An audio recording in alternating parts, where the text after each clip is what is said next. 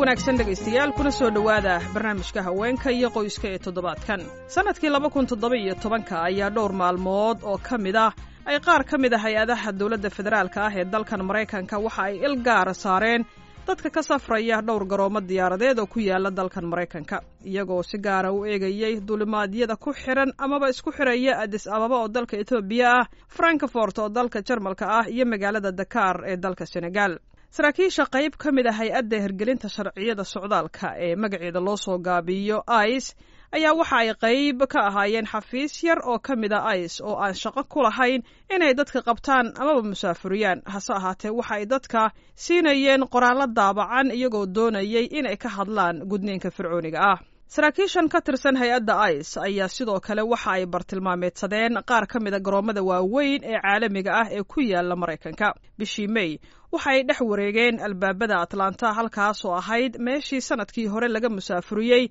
nin u dhashay dalka etoobiya kaasoo la rumaysan yahay inuu yahay qofkii ugu horreeyey ee loo maxkamadeeyo dembiga ah in uu gudaha dalkan maraykanka ku sameeyey gudniin fircooniya taasoo la aaminsan yahay inay ahayd sababta ka dambaysay in hay'adda ice ay isha ku qabato garoommadaasi barnaamijka haweenka iyo qoyska ee toddobaadkan ayaan haddaba ku soo qaadanaynaa halkay dowladda maraykanka iska taagtay gudniinka fircooniga ah iyo intay la eg tahay ka warqabka dadka soomaalida ah ee deggan dalkan maraykanka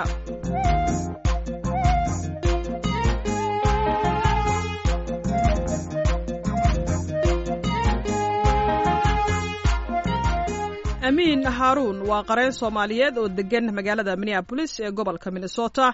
Waxa uu marka hore inoo sharaxayaa sharciga dalkan maraykanka uga yaalla gudniinka fircooniga ah. Sharcigan dalka maraykanka uga yaalla gudniinka fircooniga ah waa mamnuuc. Wax la ogol yahay ma aha. Waxaana lagu mutaysan karaa xarig ayaa lagu mutaysan karaa gaar ahaan sharciga federaalkana waa ku mamnuuc ka goboladana waa ku mamnuuc. Ani gaar ahaan waxaan ka warhayaa sharciga gobolka minnesota iyo kan federaalka. Labaduna waxay ku way mamnuucayaan aad bay isugu dhow yihiin marka labaduba waxaa lagu mutaysan karaa ilaa iyo shan sano oo xarig ah ayaa lagu mutaysan karaa soomaalidu laakiin mararka qaar waxaa dhici karta oo dalal kale hore uga dhacday dalkan maraykanka ma hubo in carruurta ay dibadda geeyaan oo dalkii geeyaan oo halkaa ku soo gudaan oo soo celiyaan. Taana muxuu sharcigu ka qabaa? Taas lafteeda waa mamnuuc.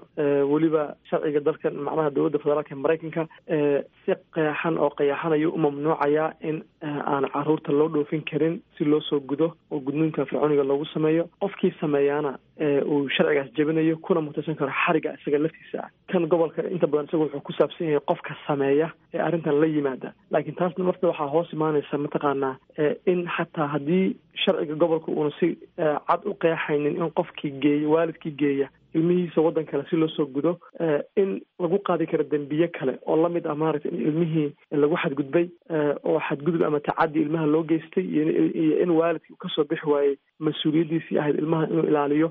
Taas ayaa lagu qaadi karaa taasoo kalifi karta ilmihii in qoyskii laga qaato iyo in maaragtay ganax lagu lagu soo rogo labadaba. Inta kaleo ilmahan way saameynaysaa iyo qoysku sababtoo ah de haddii qoyskii ay caddaato ama maaragtay sharcigii u arkay inayna ilmihii mas'uuliyaddiisa qaadi karin ama xadgudubyo jardil lagu arko. Waxaan jardil baa loo aqoonsanayaa. Saa daraaddeed dhammaan wuxuu saameynayaa ilmihii qoyska dhan. Asli xaaji aadan ashkir waxa ay muddo dheer ku soo dhex jirtay xirfadda caafimaadka degaano kala duwan oo gobolka minnesota ka mid ahna kala soo shaqaysay xagga caafimaadka hooyada iyo carruurta.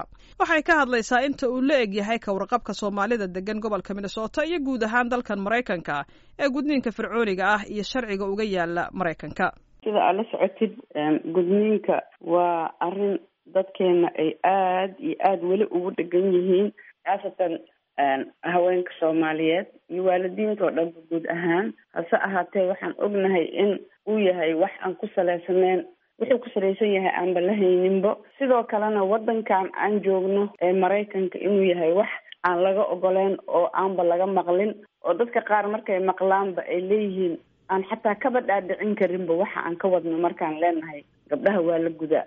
Marka wacyigeena dadkeena wacyiga dadka soomaalida ah ee waddankanayta soo degay waxaa moodaa in ay weli si fiican u fahamsadeen sharciyada ka yaalla gudniinka fircooniga ah iyo maxay ahayd dhibaatada ooga imaan karta xag caafimaad gabdhahooda haddii ay gudaan.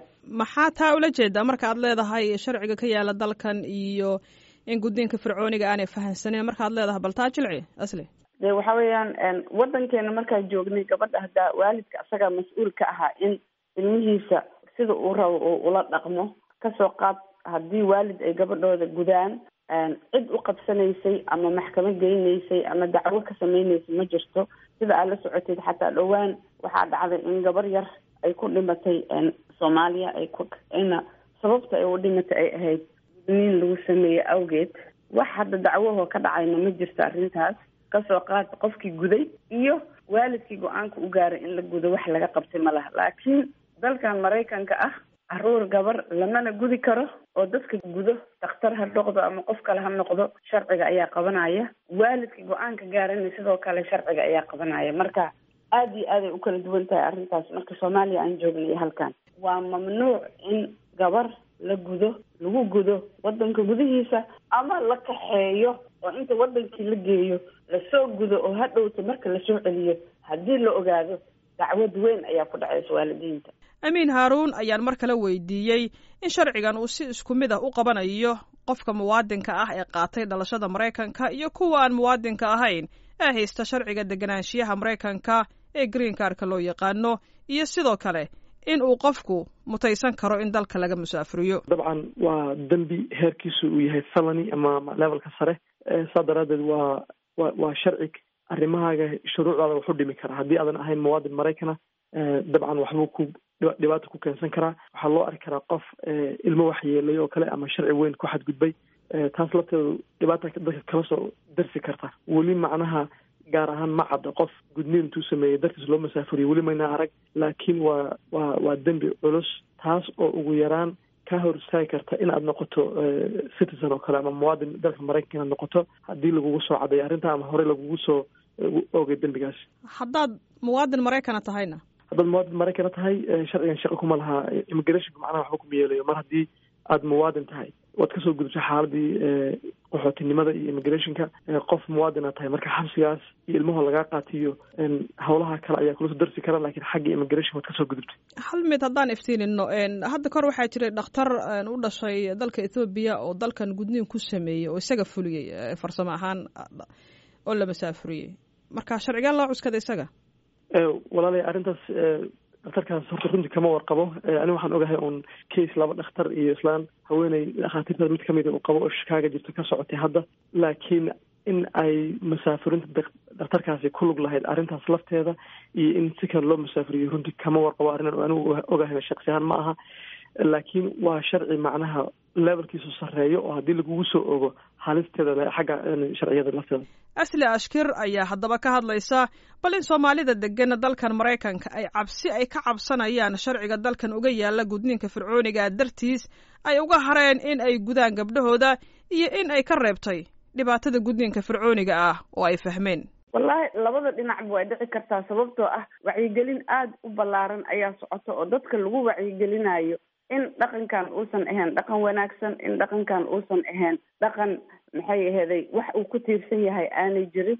Waa wacyigelin weyn baa socota. Ha noqoto dhinaca diinta oo dadka loo macneynayo ha noqoto dhinaca sharciga waddankan u dhigan ha noqoto dhibaatada oga imaan karta caafimaadka. Marka labadaba waa dhihi karaa lianna qofka marka loo sheego la yidhaahdo arrintan haddaa ku kacdid waxay ku keenaysaa dhibaato xagga maxay aheeday sharciga ah? Qofkii marka wax dareen leh wuu garanayaa wuxuu leeyahay waxaan haddayba yihiinba wax aan kuwa fadhininba diinna aan ku fadhinin ku salaysnayn caafimaadka gabadhaydana dhibaato u keenayo waddankaana aan laga ogoleen maxaanba u samaynaya marka wacyigelinaa socoto cabsi keliya ma aha laakiin cabsidana waa ka qayb ilaan qofka marka sharciga lagu sheego waa ka fogaataa wax allaale wixii sharciga uu leeyahay. Maxay aheeday? Haddaad samaysid waxaad la kulmaysaa. Maxay aheeday dhibaato? Laakiin hal sabab oo inta badan hoyooyinka soomaaliyeed ama waalidiinta ama bulshada ay u cuskato soomaalida waxay ahayd gabadhii haddaan la gudin farakabaxay noqonaysaa duurkay gelaysaa lama kontarooli karo. Taa weli ma aaminsan yihiin soomaalida dalkan joogta oo sharcigii unbaa celinaya laakiin taa weli ma qabaan. Ha waxaan is leeyahay ha haddaad hooyada weydiisid ama waalidka aa weydiisadoo tiraahid. Gabadha maxaad u gudaysaa waxay ku leeyihiin ma aragta badanaa waxay leeyihiin gabar aan la gudin yaa celin kara. Berita ayay suuqa gelaysaa. Marka taas kolley way ku jirtaa maskaxdooda mar kastaba iyo dadka qaar waxay cuskadaan diinta islaamka ay yidhaahdaan qofka gabadha muslimka ah waa in la gudaa. Laakiin waddamada muslimka ohoo maxay yahda hadda sacuudi arabiya xataa ka soo qaad gudniin gabdhood ma jiro. Marka waxaad garanaysaa in arrintan aysan ahayn arrin ma aragtay si xoog badan diinta ugu salaysan inaysan ahayn